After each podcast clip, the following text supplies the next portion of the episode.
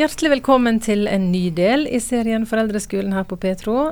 I denne serien til nå så har vi snakket om verdier og prioriteringer, bagasje og foreldrestiler. Og med meg så har jeg Anne Lene Otterøen, mor, familiepastor og familieterapeut. Du, Veldig kjekt at du vil være med og lage foreldreskole, Anne Lene. Og jeg har altså funnet ut at vi har ca. 42 års erfaring som mor til sammen. Så om vi ikke er helt utlært, så har vi iallfall litt uh, erfaring å ta med oss. sant? Ja, det er godt. Ja. Og nå tar vi altså opp viktige tema i denne serien som vi lufter. Og i dag så har vi kommet fram til et veldig stort tema, syns jeg, som heter kommunikasjon.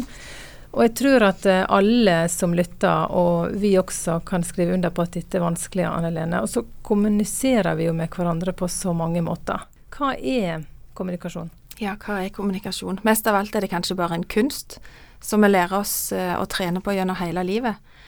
Eh, og som du sa, det er så mange lag og, og så mye en kan snakke om. Men eh, vi får prøve å plukke ut noen stikkord og se om, om, det kan være noen tanker vi kan dele som kan være hjelpsomme. Mm. Selve ordet kommunikasjon, det kommer fra latin og betyr å gjøre felles. Sånn at her handler det jo ikke bare om å få sagt ordet, men det er en sender, og det er en mottaker. Og så handler jo kommunikasjon veldig mye om samspill. Mm.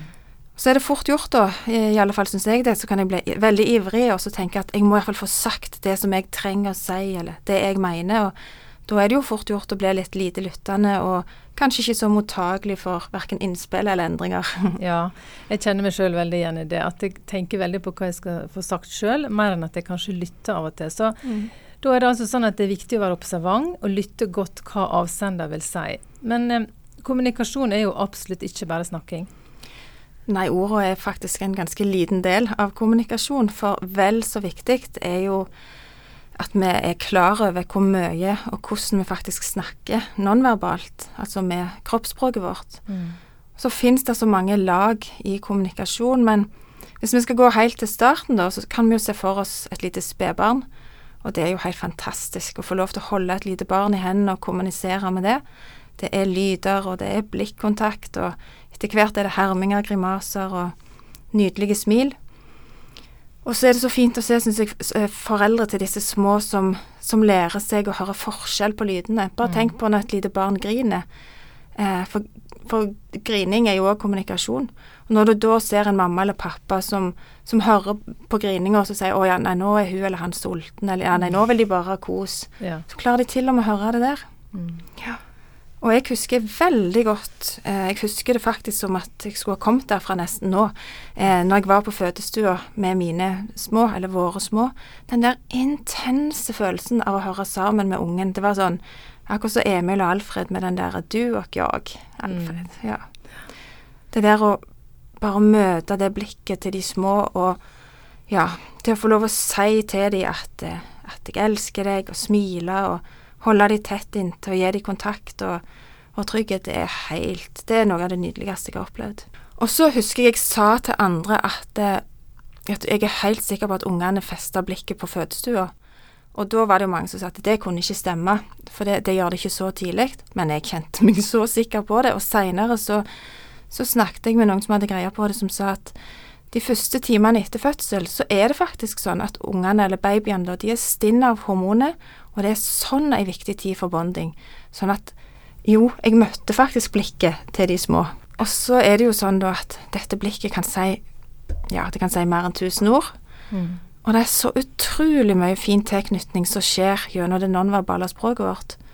Så er det jo sånn at ungene vokser opp, og så blir det flere og flere ord de kan si, og noen forstår vi, og noen gjerne ikke. Og hvis vi ikke forstår dem, så blir det fort litt frustrasjon. Men da syns jeg det er så skjønt å se på foreldre som ja, som bare forstår hva ungene sier, når vi rundt gjerne bare hører babling. Så det er altså viktig med dette kroppsspråket og blikket, og så er det selvsagt viktig hele livet, dette med kroppsspråk. Men eh, hva når ungene blir litt eldre og språket er helt på plass?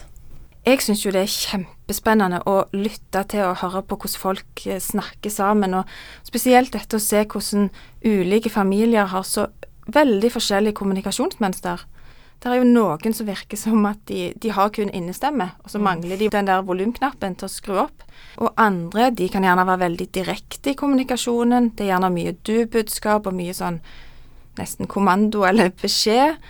Og uten at vi legger merke til det, så, så dannes det jo sånne mønstre, kommunikasjonsmønstre, i familiene våre og i forskjellige settinger. For jeg tror ikke vi oppfører oss likt i alle situasjoner. Og noen av oss er gjerne vant med yrker der en må være presise i språket og Ja. Men jeg tror det er veldig viktig at vi er klar over at vi kan òg uttrykke enormt mye sympati eh, gjennom måten vi sier ting på, og måten vi tar imot et budskap på. Mm. Ja, det er veldig viktig hvordan vi sier ting på. Mm. Og så handler det da, som vi har sagt, om kroppsspråk, toneleie og stemme, og ikke minst øynene også, kanskje, og selvsagt orda vi bruker.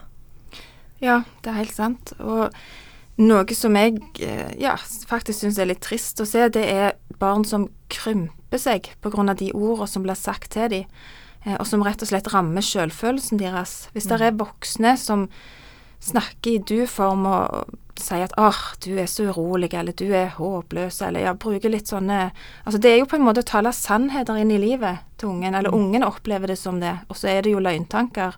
Men, men, det setter seg jo, og jeg kjenner da at det, ah, da er det akkurat som det skjer noe med pusten min når noen snakker sånn til ungene. Mm. Um, så, men når vi er bevisst på det, så har vi jo muligheten da, sant, til å velge et jeg-budskap, si noe om hvordan vi opplever det, kunne beskrive situasjonen uten å karikere ungene våre eller stemple dem med, ja, med løgntanker, da. Så er det jo sånn at veldig mange barn, de, eller først og fremst er de jo veldig kloke og vare. Og det er jo akkurat som at de har doktorgrad i å sense hva er det egentlig som bor i disse ordene som blir sagt, hva er det som skjer mellom linjene når vi voksne snakker. Mm. Så, og jeg kjenner det i alle fall igjen at jeg kan si en ting hjemme så jeg tenker at det uh, er bare en beskjed eller noe informativt, og så ja, så kan gjerne en av ungene kvittere med at ja, OK, det er helt greit, mor, men du, er du sint nå, eller er du bare sliten? Og så tenker jeg, kjære vene, jeg det? Ja, jeg er, sant, og så kjenner jeg i ettertid at ja, de har helt rett. Mm. Så de leser jo både toneleie, og de leser kroppsspråket mitt. Mm. Iallfall så er min erfaring det at jo mer sliten jeg er, jo mer slurvete blir jeg ofte med måten jeg sier ting på, eller uforsiktige, og da er det nok ofte at den setningen 'jeg hører ikke hva du sier, for, for livet ditt ropes så høyt', det kan stemme for, for min del, i alle fall. Mm. Det nytter jo ikke å si til et barn at 'jeg er ikke sint', når alt det nonverbale bare uttrykker det motsatte. Mm. De leser oss som ei åpen bok. Er det, er det, forskjell på unger også, hvor vare de er for sånne ting? Ja, det er det absolutt. Ja. Det er min erfaring, og det skal vi snakke bl.a. litt mer om når vi snakker om dette med kjærlighetsspråk. og Ungene reagerer ulikt, mm. veldig ulikt, på mm. hvordan ting blir sagt.